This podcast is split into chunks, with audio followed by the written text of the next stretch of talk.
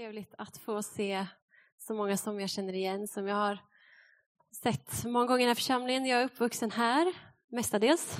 Jag är också missionärsbarn, så den där frågan är alltid svår. Var kommer du ifrån? Eh, ja, vart jag är född, var jag spenderade barndomen, var jag spenderade tonåren. Vad menar du?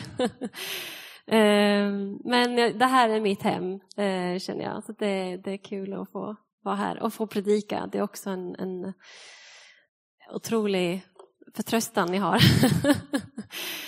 eh, har ni sett eh, Caribbean Life, någon av er? Är det någon som känner igen den? Den är på en udda kanal, så det är inte säkert ni känner igen den. Caribbean Life, eh, livet i Karibien.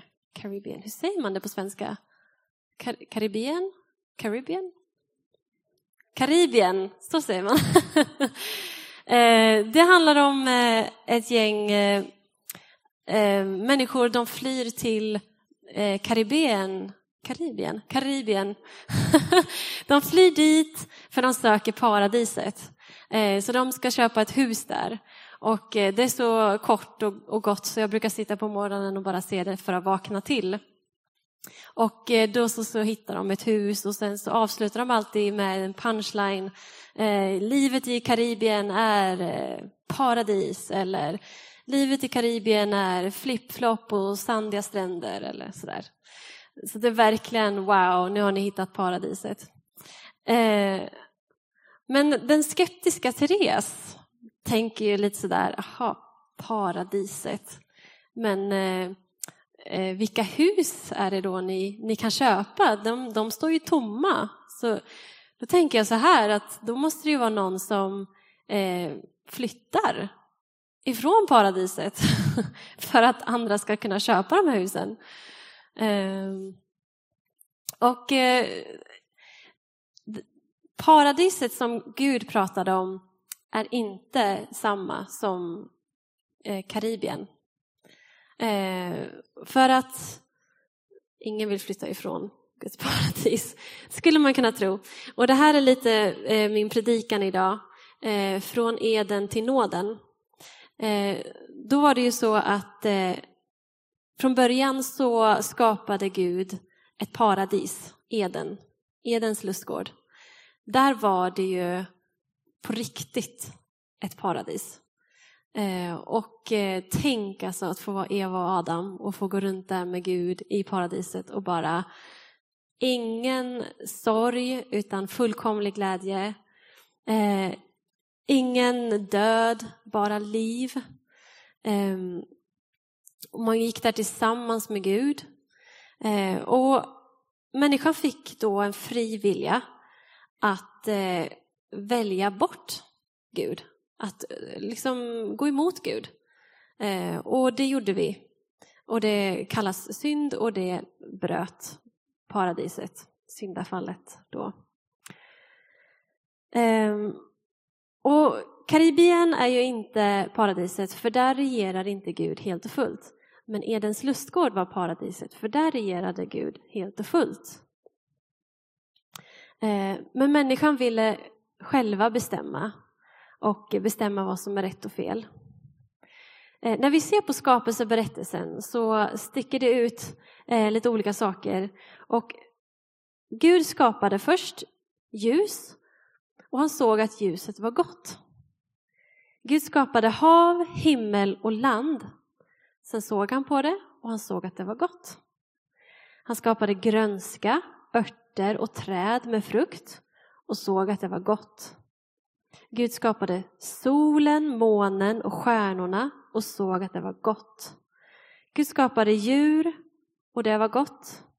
Och Gud skapade människan till sin avbild. Och allt som han hade gjort var mycket gott, står det. Så det fanns inga, inget som inte var gott.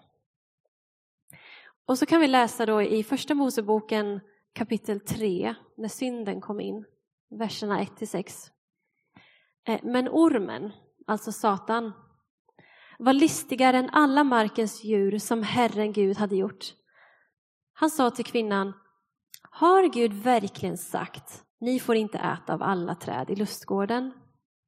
Kvinnan svarade ormen, Vi får äta av frukten från träden i lustgården.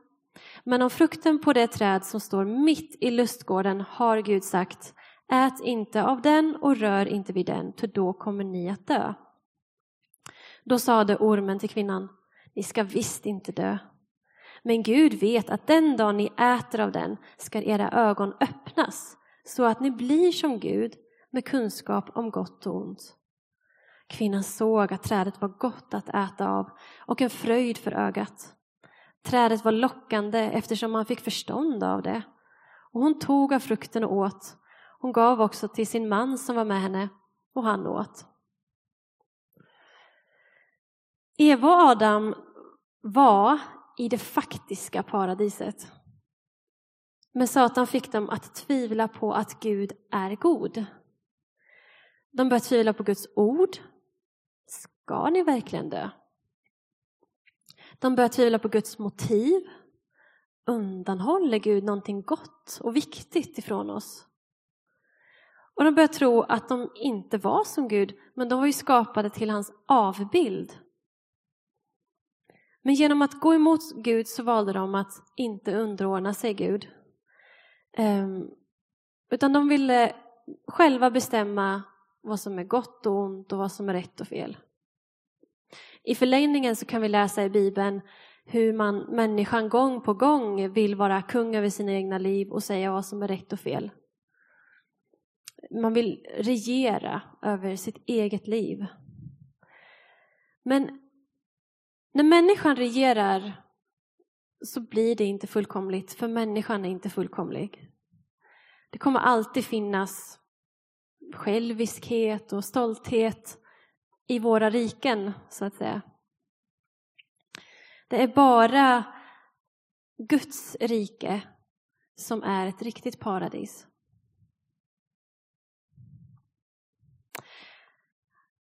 I vårt samhälle idag så är de här tankarna lite störande, har jag märkt, för att man pratar om frihet. Ja, men då, om någon bestämmer över mig så är jag en slav för den personen. Och den är en tyrann över mig. Det är liksom det här, har ni stött på det någon gång? Att eh, ingen ska säga vad som är rätt och fel. Och, ja, det är lite, den känslan får jag när jag är ute och, och eh, sightseeing i, i samhället. ja, men är det så att vi förlorar vår våran fria vilja? Är det så att vi blir Guds slavar i hans rike? Jag skulle säga så här, att vara kung är inte frihet, men att vara barn är det. Och då menar jag så här, att Gud menar sig inte bara vara en härskare utan också en förälder, en far till oss. Eh, han vill att vi ska förstå hans kärlek som relationen mellan en, en förälder och ett barn.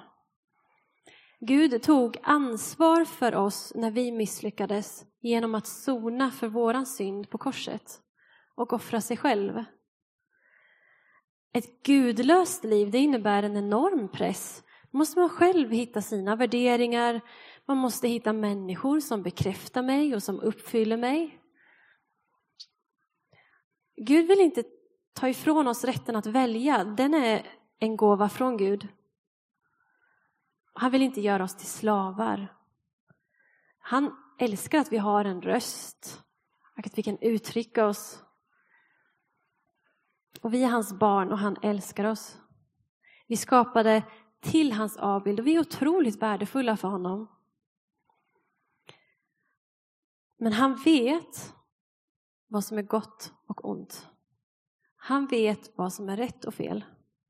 Därför vill han regera över våra liv.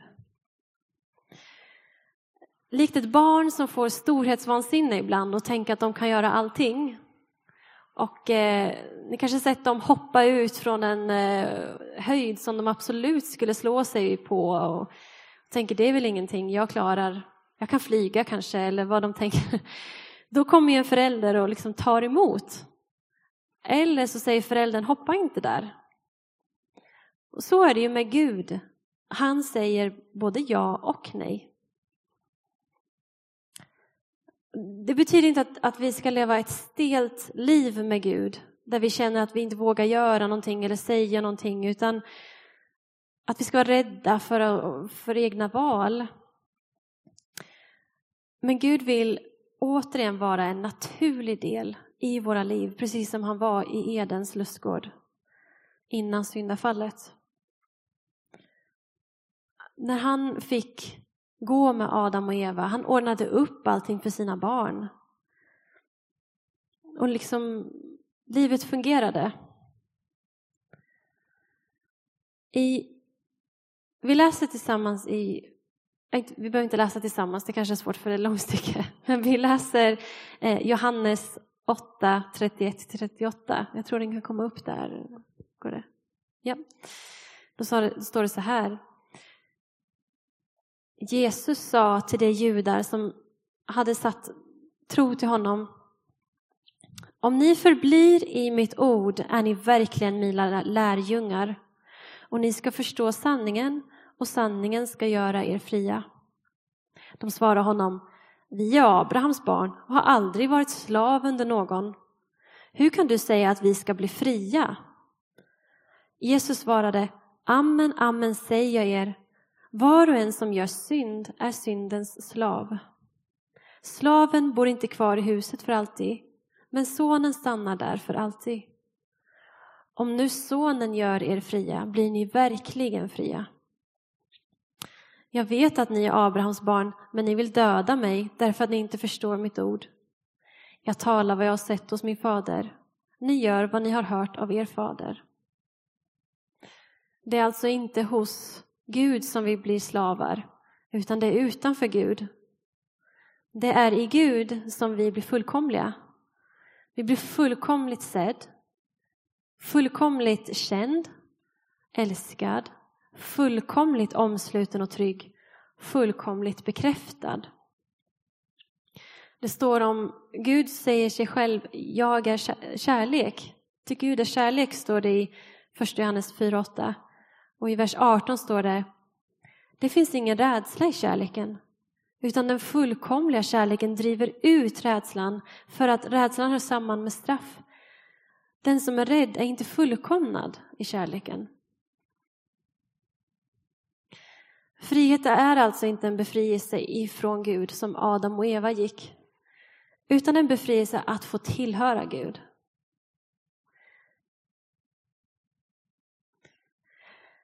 Så vågar vi lita på att Gud är god? Det är lite det, är lite det som är frågan. Adam och Eva vågade ju inte det. Och jag gör inte alltid det. Jag kan bli ganska ängslig ibland och särskilt när Gud säger till mig att inte göra någonting. Det är nästan värre, tycker jag. Där är man olika. Men eh, när han säger till mig att vara stilla eller lita på mig och stå stilla, då kan jag bli ganska ängslig och känna att jag ska hjälpa Gud på traven. Men om jag verkligen trodde på att Gud är så god som han säger att han är, då skulle jag väl inte försöka hjälpa honom. Då skulle jag väl tro på honom. Och jag tänker vi ska ta en, ta en stund att reflektera över det senaste som Gud pratade med dig om. Och fråga dig själv, litar jag på detta ord helt och fullt?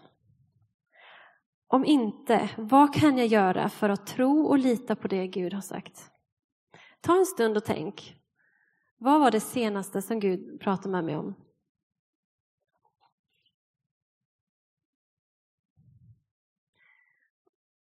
Och eh, jag har lite tips.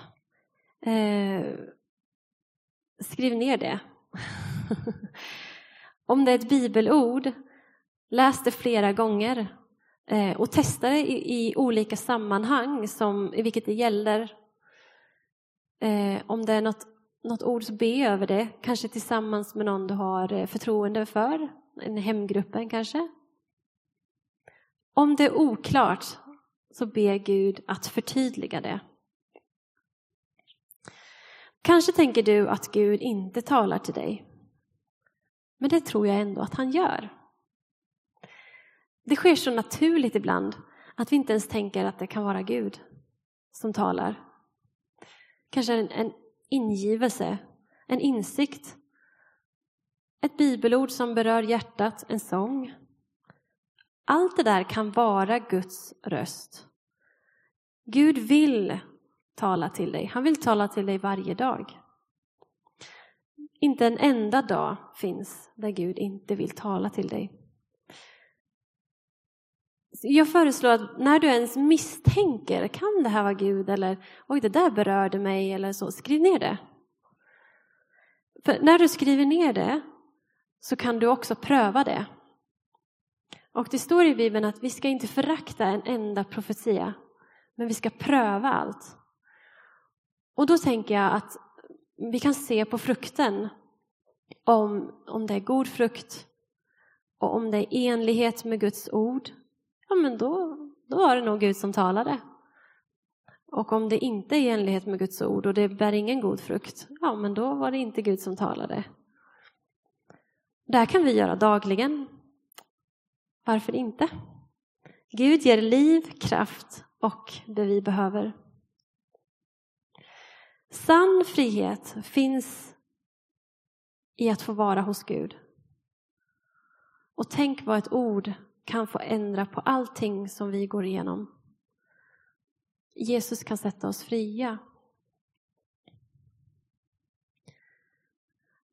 Från det en gång perfekta paradiset i Eden så vill Gud återigen regera över alla som frivilligt väljer honom. Inte av tvång, utan genom att Jesus offrade sig på korset. Och han utgöt sin kärlek till människan. Och vi får fritt välja ett liv tillsammans med Gud. Gud vill vara, precis som i Eden, nära oss. På ett naturligt sätt. Han vill tala med oss. Han vill att det här riket i Eden också ska få bredas ut i den värld som vi är i. Och där har vi alla någonting att bidra med. Det kan vara förmågor, empati, andliga gåvor, samtal om sanning. Kanske din ihärdighet eller envishet kan få vara en bidragande faktor. All, allting som vi har, det, det är varken litet eller obetydligt för Herren. Att vi får vara en del av Guds mission i detta utbredande. Att vi får älska vår nästa som oss själva. Vår granne, vår vän och även vår fiende. På det sättet så tror jag att Guds rike kommer att komma till den här världen. Vi kan leva i det redan här och nu, idag, men det kan kännas fragmenterat och ofullkomligt. Men en dag kommer det inte längre att vara så. Utan vi kommer få se ett fullkomligt rike.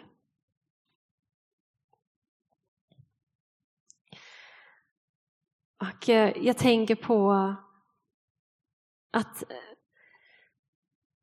har ni sett ett barn eh, springa till en förälder i ren glädje? Det är som att det nästan inte finns någon renare glädje än ett barn som springer in i armarna på föräldern. Kanske en mamma eller pappa som kommer hem från jobbet och barnet bara springer och har armarna ut.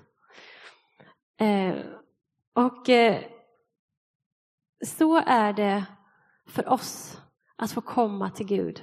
Att få komma in i Guds rike, att få leva i, i Guds rike här på jorden, men även i himlen. Att få komma hem igen. De där armarna är vårt hem, är vår trygghet. Det är, det är paradiset, det är Eden. Det är hans nåd och kärlek för dig och mig.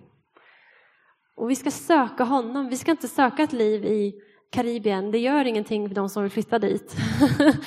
men, men paradiset finns hos Gud. Det är en sann frihet. Amen. Amen. Hoppas att, eh, att det var någonting som fick vara till välsignelse. Och om det var det, så ta med det. Om det inte var det, så släng bort det.